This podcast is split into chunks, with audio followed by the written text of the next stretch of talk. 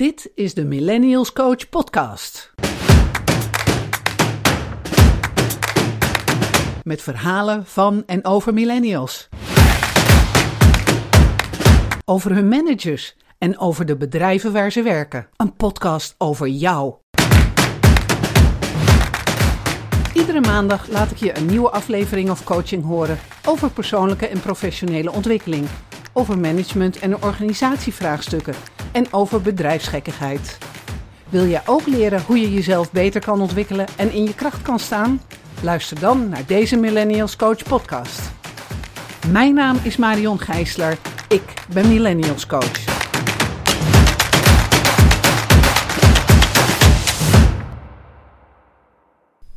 Vandaag spreek ik met Roy van Amerongen, 29 jaar oud en dus millennial, maar ook al coach.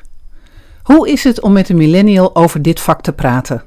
Dat hoor je aan het eind van het interview, want we volgen Roy ook door het verhaal van zijn keuzes, vanaf het moment van het beëindigen van zijn bachelor tot aan zijn nieuwe stap als vitaliteitscoach. Heel veel luisterplezier. Vandaag heb ik een gesprek met Roy van Amerongen. Goedemiddag, Roy.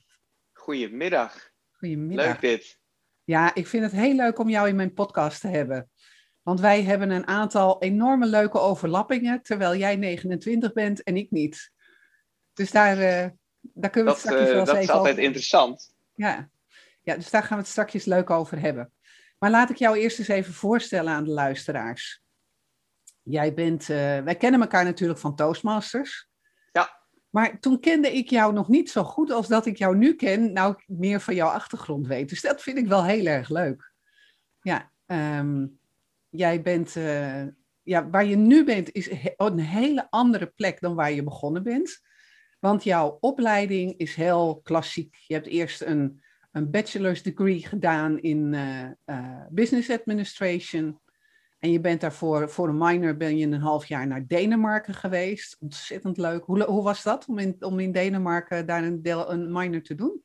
Ja, dat was heel gaaf. Dat, eh, uiteindelijk is het ook één groot feest eh, geweest. Eh, maar ook een hele mooie ervaring.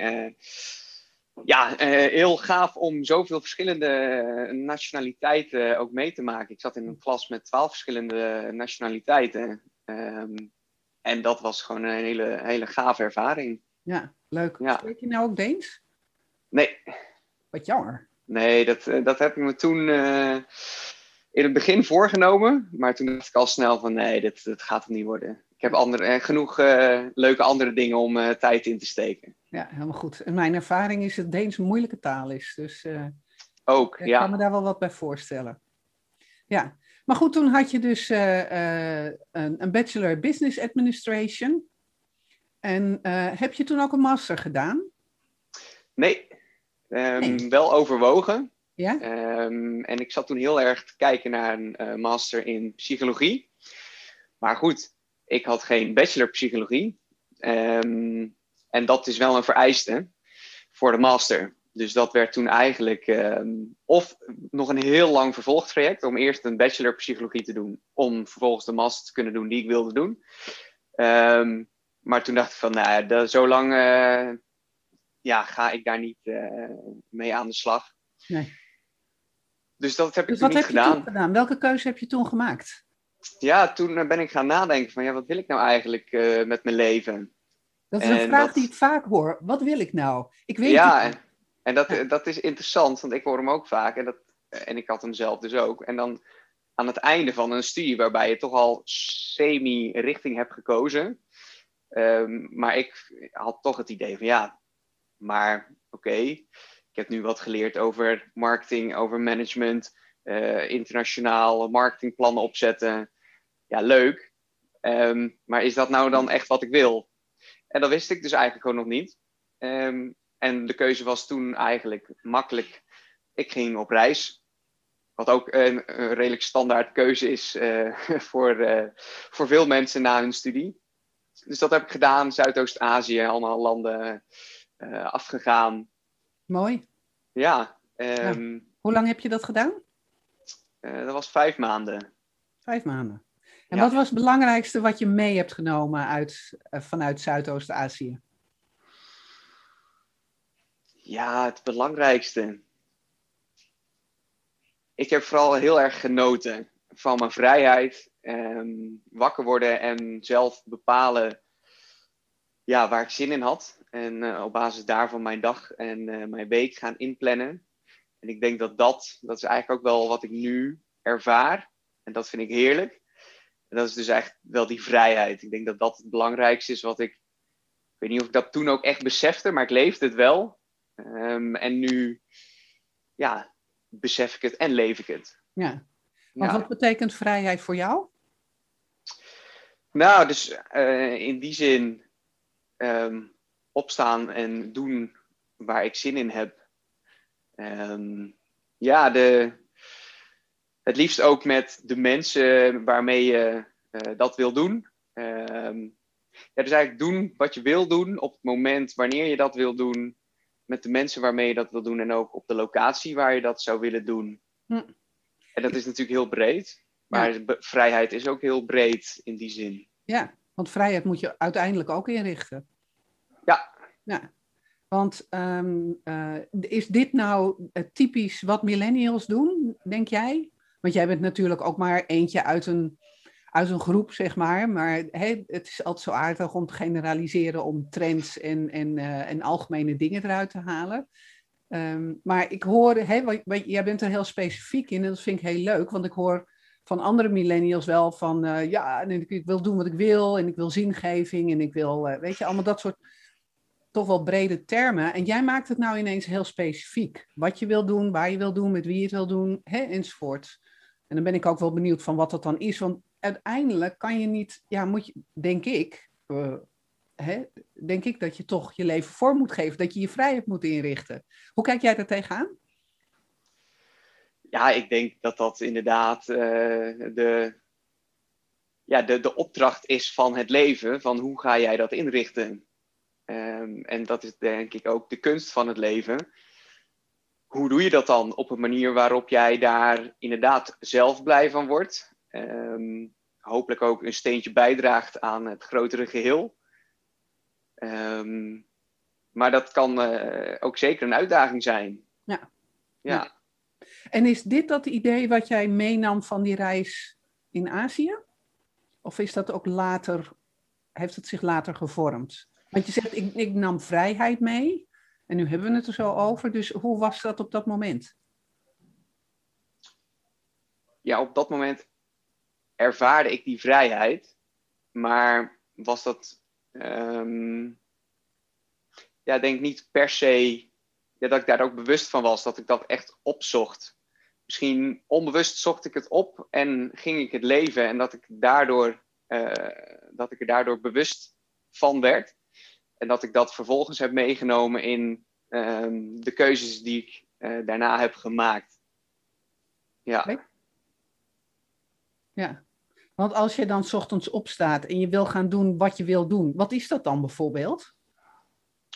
Nou ja, op dit moment ben ik uh, bezig om mijn eigen bedrijf uh, ja, uit te bouwen als coach. Groeien met Roy. Um, ja, dus als ik opsta, dan dan word ik toch wel vaak wakker met,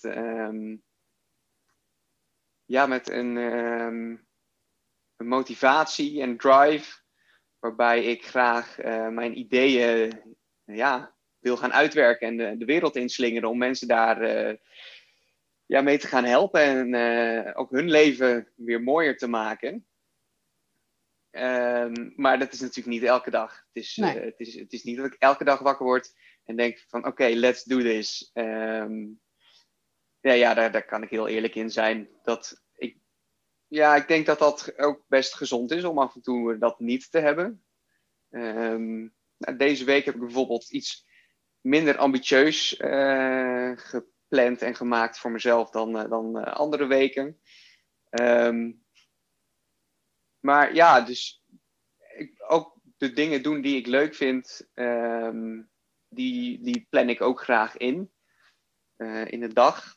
Dus soms, nou ja, gisteren dacht ik eerst van, nou, ik wil eigenlijk best wel wat dingen doen. Maar uiteindelijk heb ik gewoon echt lekker ja, voor mezelf gekozen en uh, veel buiten geweest, want het was prachtig weer. lekker gewandeld en nog een beetje gespeeld op skates, die ik sinds kort heb. Ehm, ja, en dat voelde eigenlijk gewoon heel goed. En dan doe ik ook waar ik zin in heb. Ehm, ja, dus het is een, een continue.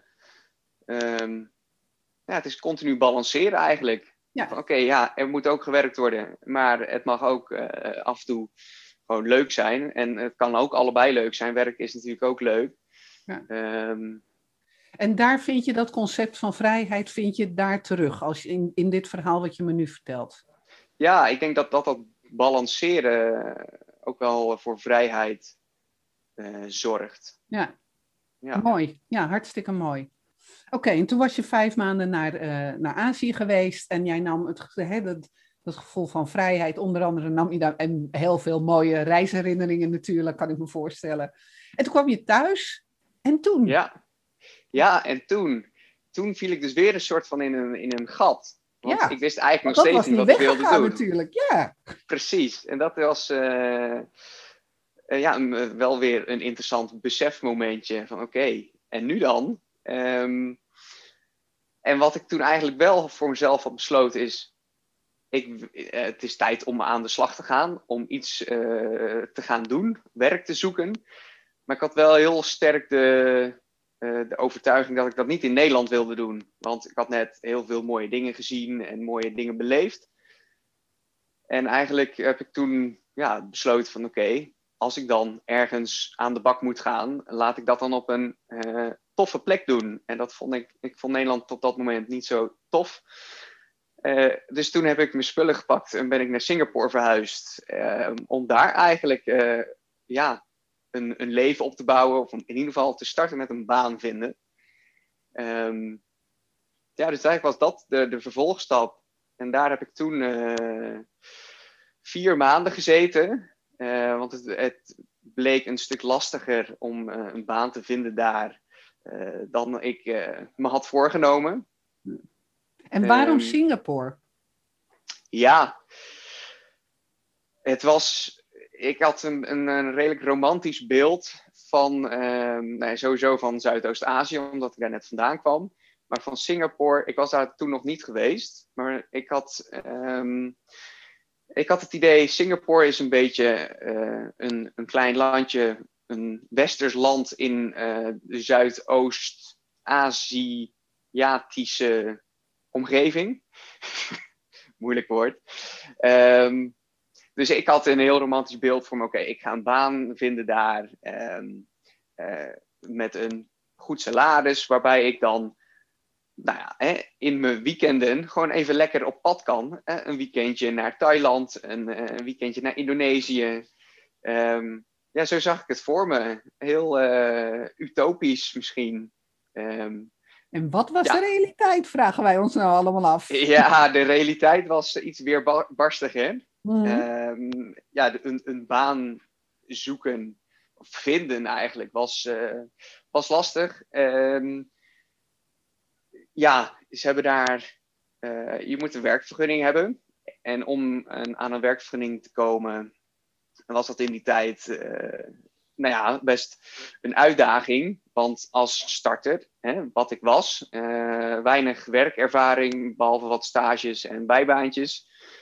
Um, ja, ben je eigenlijk een concurrent van de lokale bevolking, uh, die ook startende is. Ja, en zij hebben logischerwijs voorrang op de mensen die uit het buitenland komen. En terecht. Tuurlijk. maar dan maakt het een stuk moeilijker om, um, om daar dan dus als buitenlander uh, een baan te vinden. Ja. En toen ben ik gaan kijken uh, om bij de wat grotere bedrijven uh, nou ja, binnen te komen. Maar ook dat werkte niet echt. Ik heb zelfs nog overwogen om, uh, om dan maar een eigen bedrijf te starten daar, zodat ik mijn eigen werkvergunning kon aanvragen ja, daar kwam ook nog wel veel bij kijken. Dus, um... Dat werd hem ook niet. Nee, uiteindelijk niet. Ik heb wel echt veel, heel veel mooie contacten opgedaan. En ook wel um, deels daar gewerkt. Uh, maar dan eigenlijk vooral onbetaald. Um, en deels een beetje zwart, mag daar niet, dus uh, mondje dicht. maar dus, nee, de, ik heb daar veel geleerd. Ehm, en ook dus wel al wat gewerkt, ook voor een start-up daar.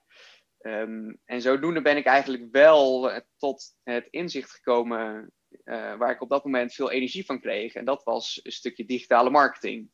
Dat deed ik toen ook voor die start-up, naast nog heel veel andere zaken. Um, en toen heeft mij dat eigenlijk uh, geleid weer terug naar Nederland, naar Amsterdam. Om daar ja, helemaal in die wereld van digitale marketing, wat met een hele coole naam growth hacking heet. Um, om daar eigenlijk helemaal in te gaan verdiepen. En dat heb ik toen gedaan uh, met een traineeship bij de Talent Institute in Amsterdam. En, ja, ik kwam daar dus eigenlijk in Singapore achter dat, dat, dat, dat ik dat heel tof vond om te doen. Um, en dat, dat combineerde eigenlijk een stukje ja, de, de psychologie van de mens, economisch gezien ook. Van oké, hoe kan je de keuzes van mensen online uh, nou ja, sturen, beïnvloeden. En heel veel interessante theorieën, technieken uh, daarachter geleerd. En zodoende dacht ik van oké, hier wil ik echt wel meer van, van weten. Dus toen heb ik me aangemeld voor die traineeship. Uh, voordat ik daar bevestiging van kreeg, had ik al een ticket teruggeboekt. Want ik dacht van dit, dit is hem gewoon. Uh, als, als daar niet lukt, dan ga ik wel ergens anders uh, wat vinden. Ja. Ja, dus nou, lang verhaal alweer. Maar dat, zo ben ik dus van Azië naar Singapore gegaan. En uiteindelijk in Amsterdam beland. In Amsterdam. Heel goed. En toen heb je die, dat zeven maandse programma heb je daar gedaan? Ja. de traineeship?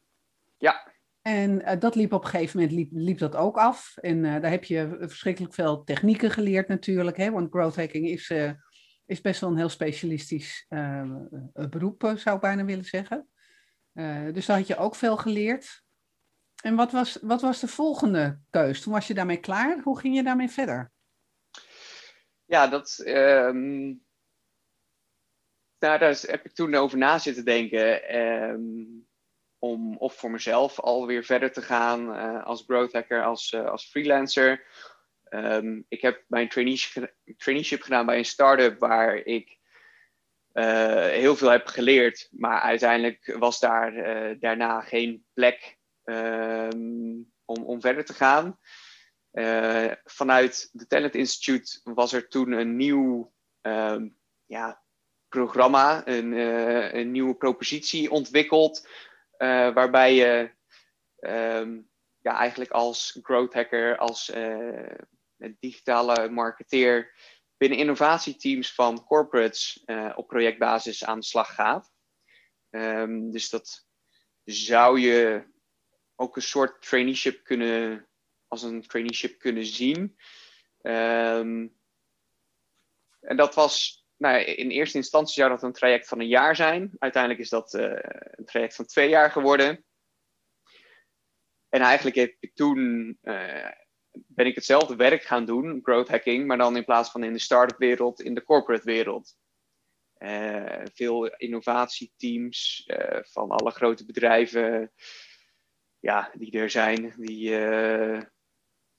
ja, die hebben wij, ik en een hele groep collega's, mogen ondersteunen daarin. Ja. En dat was dus eigenlijk mijn vervolgstap. Ja, en hoe was het om dan als jong mens in die corporate wereld te zijn? Ja, dat vond ik af en toe wel uitdagend. En wat was er uitdagend aan?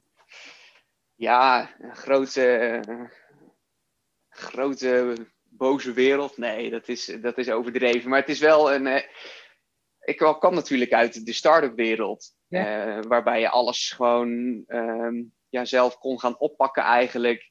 Zonder alle, alle lagen uh, van beslissingen en besluitvorming dus ja, daar liep ik af en toe wel tegenaan dat dat een stukje langer duurde allemaal. En uh, ja, dat, dat, dat testte mijn geduldigheid wel regelmatig. Ja. ja. Um, maar ja, enorm leerzaam, absoluut. Ehm, want zo leerde ik ook mezelf heel goed kennen van oké, waar word ik nou blij van? Eh, waar word ik uh, geïrriteerd van? Mhm. Ehm, ja, dus enorm, enorm leerzame reis die, die twee jaar. Ja. Ehm, en, en wat was voor jou als millennial het, het, het meest uitdagende dan daarin? Want je zei al van mijn geduld wordt op de proef gesteld. Nou, dat herken ik wel. Hè? Mhm. Maar waar ik vooral benieuwd naar ben, is ehm, zeker corporates, hoe groter het bedrijf, hoe meer uh, oude structuren er zijn. En uh, ik spreek natuurlijk veel millennials en het lijkt wel of het moeilijkste daar is uh, om daar je eigen soort van tempo in kwijt te kunnen of zo. Omdat het allemaal, zo is het geregeld. En jij zegt ook van nee, ik wil s ochtends opstaan ik wil doen wat ik wil doen, met wie ik het wil doen en waar ik het wil doen. Um, hoe, dat spanningsveld, ben je dat ook tegengekomen? Um, ja, alleen ik weet niet of dat per se voor mij een, een grote, grote uitdaging is geweest. Het, tempo, ja. Enerzijds wel, maar of dat de grootste uitdaging is geweest, is een stukje hiërarchie. Vond ik ook wel gewoon lastig. Uh, ik ben niet de allerbeste met uh, omgaan met autoriteit. Um, dus in zijn algemeenheid niet. En het wordt wel gevraagd. Is mijn nou, dat, ja, dat, dat, wordt gevraagd of dat wordt uh, uh, ongevraagd verwacht. Ja. Yeah. kan ook. Ja, dus dat. Ja, en uiteindelijk, waar ik in ieder geval echt uh, op, uh, op leeg liep, was um, het feit dat je dan ergens vol voor gaat. Uh, en je je best doet om inderdaad in alle structuren en lagen um, voortgang te boeken. En dat er dan op het einde van zo'n project van vijf, zes maanden wordt besloten van, nou, um, leuk, goed gewerkt, maar we, we, schuiven dit project even in de la, want uh, we hebben nu andere prioriteiten. Ja, ja. ja dat, dat, dan denk je ook van ja, oké. Okay, Waar maar, heb ik het nou voor gedaan? Ja, en, en dat, dat heb ik dus uh, meerdere keren mogen ervaren. Wat voor mij uiteindelijk wel. Uh, de, ja, zeker. Uh, wat voor mij wel uiteindelijk de reden is geweest om, uh, om uit die wereld te stappen. Mm.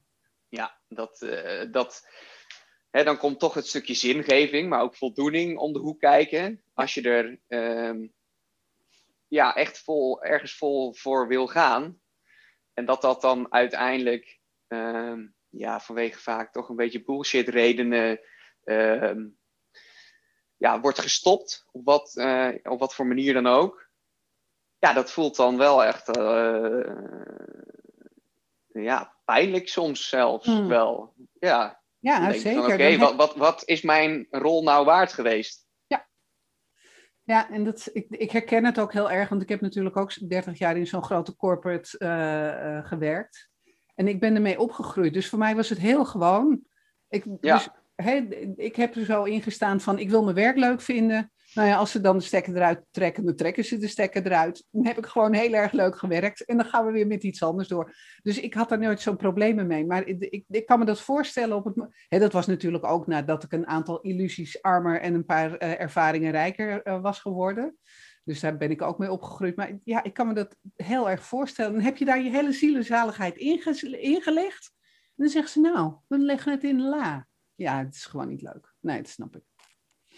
Nee, hoe ben je nou uiteindelijk coach geworden? Want dat ligt toch wel redelijk ver uit elkaar. Ja, of niet, dat kan je je ook afvragen. Ik ben uiteindelijk ook coach geworden, maar hoe ben jij coach geworden? En waarom? ja, ja, waarom?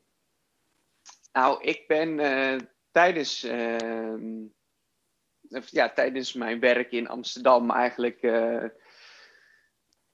ja, ook wel veel bezig geweest met eh, nou ja, kijken hoe ik mezelf verder kon ontwikkelen. Eh, en daar kwam ook eh, op een gegeven moment een stukje gezondheid bij. Ehm, Waarbij ik ging experimenteren met leefstijl om mijn energie, mijn focus, mijn slaap te gaan verbeteren. Zodat ik meer uit mijn dag kon halen. Oké. Ehm, nou, en dat, dat, dat lukt ook aardig. Ehm, ja, en op een gegeven moment ehm, dacht ik van, hé, hey, maar hier wil ik dan eigenlijk ook nog wel weer meer weten. hoe werkt het lichaam nou precies? Hè? Want ik, ik, ik verander dan iets in mijn voeding of ik ga uh, iets qua slaap aanpassen. Maar waarom werkt dat dan? daar was ik wel benieuwd naar. Mm en zodoende ben ik toen in die jaren steeds meer van uh, uh, verschillende ja, experts gaan leren. Ben ik uh, vorig jaar ook met een opleiding begonnen ehm, op het gebied van gezondheid, leefstijlcoaching, vitaliteitscoaching. Omdat ik toch ook wel het gevoel had van ja, als, als ik dit kan, dan kunnen andere mensen dat ook. En als jij dus zelf de regie kan pakken over jouw vitaliteit, over jouw energie eigenlijk. Ik zie vitaliteit als energie. Als jij daar grip op hebt, als jij daar eh, zelf eh, in kan sturen, ja, dan, dan kan jij je leven dus eigenlijk fijner, leuker, beter maken.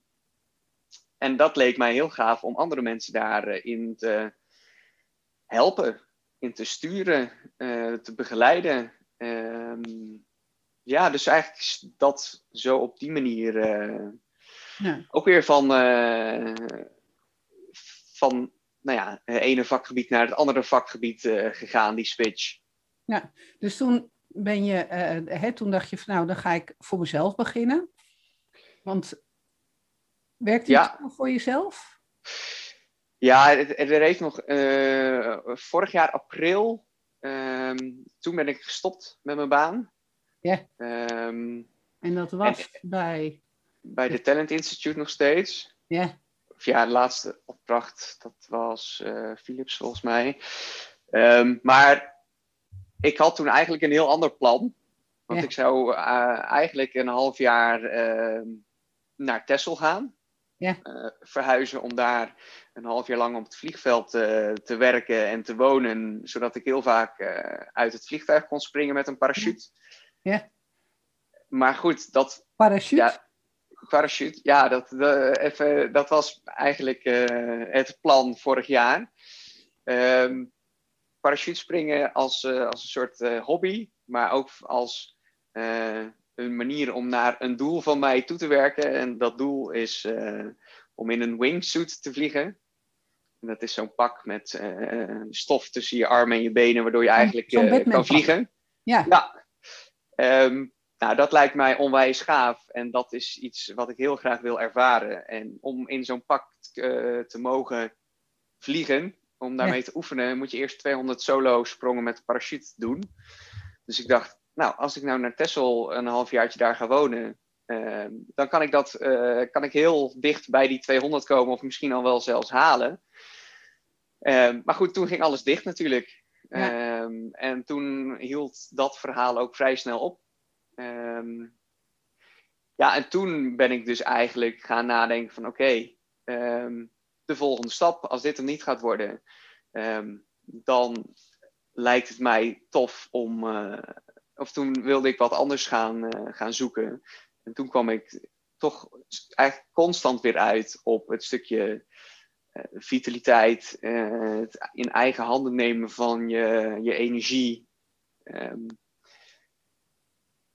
Ja, dus zodoende ben ik toen um, ook voor mezelf begonnen. En toen ben ik eigenlijk nog een soort twee kanten op gegaan. Enerzijds um, als freelance uh, growth marketeer. Dus toen ben ik gewoon eigenlijk mijn oude werk nog wel even voort gaan zetten, maar dan voor mezelf.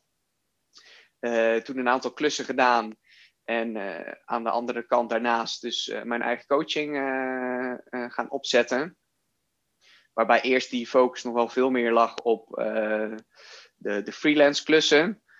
en de coaching kwam ja, vooral in het laatste kwartaal vorig jaar.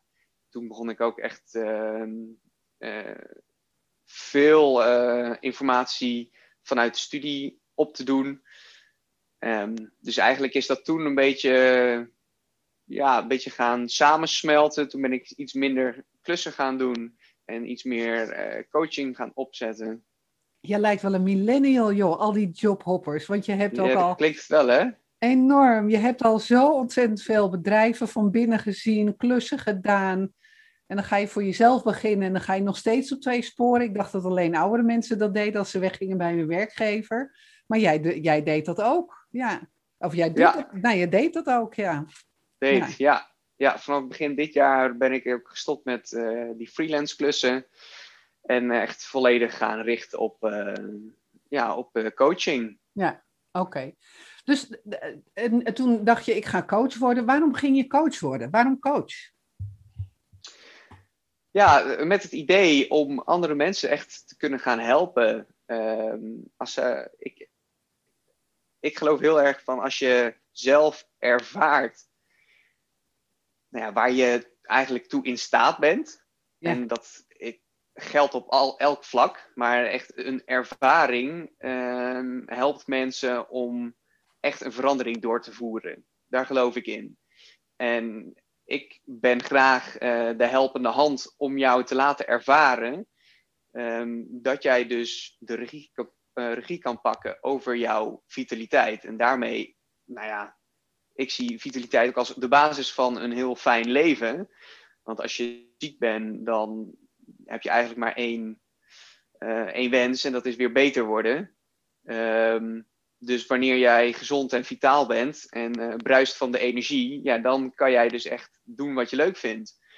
En daar zou ik mensen heel graag bij, uh, bij helpen. Ja, sluit je dan en uit? daarom eigenlijk de keuze voor coach. Ja, oké. Okay. Dus, maar hoor ik jou uitsluiten dat als je niet gezond en vitaal bent, je niet kan doen wat je wil? Zeg ik niet. Het, het kan absoluut. Um, maar wanneer je bruist van de energie, kan je denk ik veel meer. En dan heb je het echt over lichamelijke energie, denk ik. Nou, ook, uh, ook uh, ja, geestelijk, spiritueel. Um, ja, dat ook vanuit de, de opleiding um, die ik doe, is, ja, leren we dat alles ook met elkaar verbonden is. En dat geloof ik ook.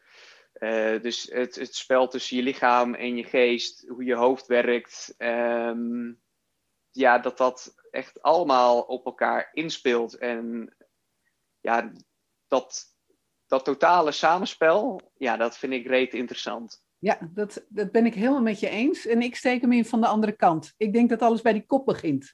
En dat het daar vandaan komt. Dus, uh... ja, ja, ja, dus ik zeg ook niet dat het vanuit het lichaam begint. Maar ik, ik vind zelf dus wel dat, het, uh, dat ik allebei heel goed wil begrijpen hoe het op elkaar, uh, hoe het effect heeft op elkaar. Hoe het aansluit, ja, zeker. Ja. En hoe het met elkaar samenwerkt. Ja. ja. Maar inderdaad, eh, bijna alles begint wel, of misschien alles, begint met een gedachte. En dat zit natuurlijk in je kop. En um, ja, nee, dat, daar kunnen we nog uh, veel, veel langer uh, over in, uh, op ingaan.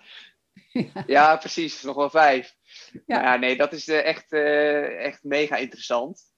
Um, dus ja, dat, daar kan ik voorlopig echt nog wel mijn ei in kwijt. Ja. Dus ik heb voor mezelf het idee dat ik nu nog niet heel snel zal gaan hoppen. Ja. Nee, nu, nu nog niet. Nee. nee. Nu nog niet. Nee. Um, en, en wat is jouw doelgroep dan? Wie is, jouw, ja, uh, jouw klant? Missiegedreven millennials. En dus, moeten ze, wat, wat betekent dat dat ze missiegedreven zijn? Ja, dat uh, heb ik voor mezelf ook nog wel vaker uh, bedacht. Van oké, kan ik dat niet uh, iets anders verwoorden, waardoor dat wat uh, concreter wordt. Ja. Maar hoe ik het zie is dat mensen, of ja, de, de mensen die uh, de wereld een stukje mooier willen maken. Okay. Op wat voor manier dan ook. Okay. en dat kan met een eigen bedrijf. Ik dacht eerst van oké, als ik nou op alleen de missiegedreven ondernemers richt, dan draag ik indirect bij aan het uh, succes van hun bedrijf. Want als zij succesvol zijn uh, en bruisen van de energie, dan kunnen zij hun werk beter doen. Wordt hun bedrijf beter, wordt de impact van hun, uh, hun bedrijf ook groter. Draag ik zelf dus op die manier indirect bij. Um, Maar ik dacht van ja, oké, ondernemers, die zijn, dat is ook nog wel weer een hele brede doelgroep. En uh, ik denk dat ik me veel beter kan vinden in uh, leeftijdsgenoten en hun uh, situatie. Dan ondernemers die misschien 50 plus zijn. Hè? Maar dat, ik sluit nu nog niks uit. Maar ik heb nu voor, voor nu in ieder geval besloten. Laat ik beginnen met een groep waarbij ik wat meer feeling heb.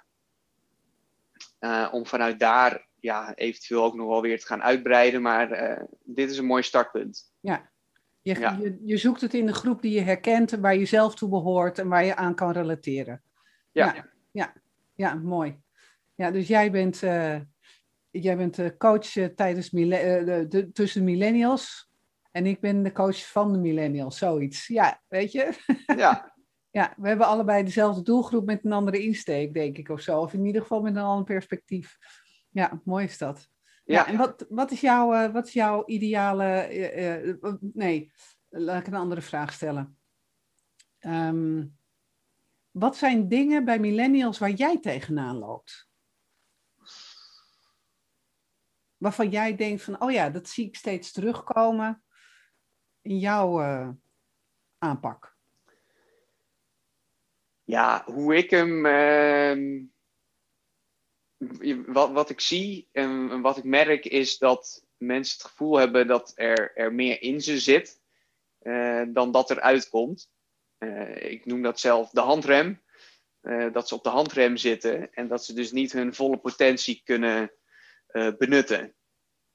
En de oorzaak van die handrem zie ik als stress. En stress in de breedste zin van het woord. Ehm, dus dat kan stress zijn over deadlines op het werk, uh, het werk dat überhaupt misschien niet leuk is, uh, maar ook stress in de relatie, uh, fysieke stress als je heel hard aan het trainen bent of als je alleen maar stil zit. Alles is daarin een vorm van stress. Um, en stress is dan ook tegelijkertijd de grootste ja, energiekiller die er is. En wanneer er dus problemen zijn met energie, uh, maar dat is dus ook mentale energie, uh, focus, um, ja, je, je geheugen, maar ook fysieke energie. Ja, het is eigenlijk allemaal afhankelijk van uh, hoeveel handremmen jij hebt, hoeveel, hoeveel stressfactoren jij in, het in je leven ja. hebt. En wat is het soort van stress wat jij het meeste herkent, het meeste tegenkomt? Ja, mentale stress. Waarover dan? Want dat zei je ook net, maar wat, waar gaat het dan over? Uh, uh, het stemmetje in je hoofd. Uh, dat er, ja, die je niet altijd heel positief toespreekt. En dat je op die manier dus eigenlijk ja, jezelf ook naar beneden haalt. Wat uiteindelijk ook weer stress oplevert. Ja. een stukje zelfafwijzing. Kan je, kan een voorbeeld geven van iets, uh, hè, van, in, uh, van een, uh, een casus waar je dit bent tegengekomen? Heb je daar een voorbeeld van? Mm. Nou, eentje waar, wat mij in ieder geval te binnen schiet, is eentje veel meer op het gebied van zingeving wel. die heb ik nu al een paar keer echt sterk gemerkt. En dat hè, als je niet doet wat je ja, waarvoor je gemaakt bent, om het maar zo te noemen, levert dat ook enorm veel mentale stress op. En dat kan ook dat stemmetje in je hoofd constant zijn van hé, hey, um, ja, je doet dit nu wel, maar ja, ben je hier nou echt heel blij mee? Maar dat er iets is waardoor je wel in die baan of uh, in die baan blijft zitten, uh, omdat dat toch iets voor je oplevert. Veiligheid, zekerheid, uh, noem het maar allemaal maar op. Maar dat dat uiteindelijk wel een, een belangrijk deel is. Van oké, okay, ik doe het wel, maar wat, wat haal ik er nou echt uit? dus waar zit die zingeving in? En dat dat uiteindelijk ook nou, vaak onbewust uh, een van de, de belangrijke handremmen is. Oké, ja, ja, snap ik. Ja, mooi. En wat is dan jouw beproefde methode om ze daaruit te halen? Ja, ehm, de stressfactoren eigenlijk uh, te gaan, okay, allereerst in kaart te brengen natuurlijk, um, maar vervolgens ook om die te gaan ja, elimineren, om die uh, ja, weg te halen. En dat is ja, niet altijd even makkelijk, want uh, stel nou dat jij in een, een relatie zit die eigenlijk voor best wel veel stress zorgt. Um, en dat je dat ook weet, maar dat je bang bent om, uh, om ermee te stoppen. Ja, ik ben niet uh, de persoon die jou uh, gaat vertellen wat je moet doen. Dat, dat, nee, is, dat is uiteindelijk de keuze aan de persoon zelf. Hmm. en hetzelfde geldt met een, een, een baan. Hè? Er kunnen zoveel onderliggende redenen zijn waarom je die baan ehm, hebt en blijft, blijft doen. Um, maar om, ja, het is wel, als je bewust bent van het feit, oké, dit is een grote stressfactor, dat helpt vaak al. Soms is dat ook onbewust uh, iets wat mensen toch tegenhoudt. Dus uh, de, de eerste stap is eigenlijk bewustwording. Van oké, waar zitten die stressfactoren nou? Um, ja, en dan beginnen het liefst met de, de grootste, met de meeste impact. Maar als dat er eentje is die um, ja, niet snel te veranderen is, omdat daar dus zoveel um, ja, belangen achter zitten, om het maar zo te noemen. Ja, dan kan je ook naar de wat kleinere kijken om daar al wel meteen mee aan de slag te kunnen gaan. Ja. Maar ook wat doe dan. Je, wat doe je dan met mensen? Wat, wat is aan de slag gaan? Ga je praten? Ga je hardlopen? Ga je weet ik veel, uh, koud water zwemmen. Het kan allemaal. Ga je eten? Ja, nee, dat, kijk, kijkend, uh, kijkend naar, uh, naar de persoon die, uh, die tegenover me zit of staat. Um, ja, van oké, okay, wat, wat past bij die persoon? Um, voor de een werkt het supergoed om inderdaad wat meer te gaan sporten. Um, en de ander, daar zit heel veel die heeft wat meer problemen met een stukje voeding. Um, maar eigenlijk de grootste.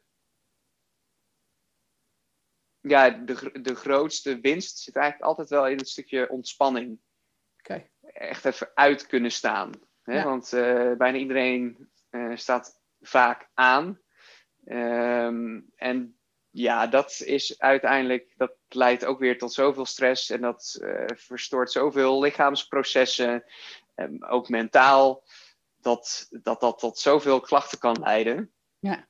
Ja. Dus de, dan kunnen we kijken van oké, okay, hoe kunnen we nou ervoor zorgen dat, dat jij wat vaker uit kan staan, dat je echt tot uh, ontspanning komt, dat je lichaam en je, je, je brein ook daadwerkelijk kunnen herstellen ja. van alle inspanningen die je doet.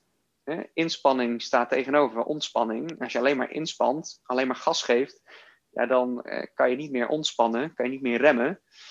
En dat gaat op den duur tot klachten leiden. Ja. Ja. ja. ja en dan is burn-out daar natuurlijk een hele grote uh, voor. Ja. Millennials en een burn-out. Hoe dan, vraag ik me iedere keer af. Maar zo dus, ja. Ja, dat klopt. Ja. Ja. Dus daar bedien je een, daar bedien je een groot deel van, uh, van alle millennial burn-outs in wording bedien je daarmee. Ja, dat is, dat is wel een mooie, mooie opdracht natuurlijk. Ja, voorkom het dus in plaats van dat je mensen gaat oprapen op het moment dat ze al in die burn-out zitten. Ja, zeker. Ja. Mooi. Ja, voorkomen is natuurlijk het mooiste. Absoluut, uh, ja. Maar ja, toch, dat klinkt misschien hard of direct, maar uh, misschien hebben sommige mensen toch ook die ervaring nodig om uiteindelijk tot de conclusie te komen dat ze iets in hun leven uh, toch niet helemaal op de, de juiste manier deden. Ja. Dat ze toch tegen hun eigen ja, natuur in zijn gegaan, om het ja. maar zo te noemen. Ja, ja dat klopt. En dat klinkt hard, maar uh, ik wens het niemand toe. Maar ik denk wel dat het uh, voor heel veel mensen een hele bijzondere leerschool is. Ja, ja dat klopt. Ja, en, en, en daar is ook het leven voor, denk ik, hè? dat je dingen moet leren. Je weet niet wat je niet weet. En Nee. ik heb zelfs zoiets van, als coach hebben we de prachtige taak om eh, mensen een spiegel voor te houden. En ja, zo nu en dan is dat wel confronterend. Maar op het moment dat mensen die confrontatie aangaan, dan, dan, dan maken ze wel reuzensprongen op weg naar ja, een ander perspectief en een beter leven. En we willen toch allemaal lekker gelukkig zijn en het fijn hebben met elkaar. Dat, uh, dus ja, ik, uh, ik, ik geloof daar zeer in dat uh, dat, dat de weg is. Ja, ja de, groot, de grootste lessen haal je uit de donkerste tijden. Ja, ja, de, de, ja, het is niet leuk, maar wel waar. Ja, ja. ja dat, dat klopt, ja. Hey Roy, we zijn aan het eind van onze tijd. We kunnen hier makkelijk nog een podcast mee vullen. Dus misschien moeten we dat ook een keertje doen. Dat we gewoon het gaan hebben over uh, onze visie op, uh, op coaching en wat we ermee kunnen bereiken. Lijkt maar, me leuk. Uh, als, ja, dat lijkt me ook zeer leuk. Want ik, ik heb het gevoel dat ik nog niet klaar ben met dit gesprek. Nee, ik heb ook het idee dat we net vijf minuten bezig zijn. Maar, ja, nee, dat is echt niet waar. Nee, we hebben het, we, ik vind het ontzettend leuk dat we een kijkje hebben kunnen nemen in in hoe jij bent, uh, hoe jij uh, ja, je leven hebt geleefd en welke keuzes je hebt gemaakt als millennial. ik denk dat uh, ik heb er wel herkenning in, want ik hoor ja, soortgelijke verhalen natuurlijk ook van anderen. Maar ik vind het heel leuk om jouw verhaal gehoord te hebben. En ook leuk dat je, hè, om te horen waar je nu terechtgekomen bent. Dus ik wil je enorm bedanken voor je tijd en voor het mooie gesprek. En ik zou zeggen, wellicht tot ziens. Ja, ja, jij hartstikke bedankt Marion. Ik vond het uh, hartstikke leuk. Helemaal goed. Mijn naam is Marion Gijsler. Ik ben Millennials Coach. Ik help millennials te stralen bij de bedrijven waar ze werken. En ik help de bedrijven om de millennials die ze in dienst hebben of willen hebben te boeien en te binden en optimaal de ruimte te geven als volgende generatie in de organisatie. Ik nodig je uit om daar een goed gesprek met mij over te hebben. Ga naar millennialscoach.nl en neem contact met me op. Tot snel.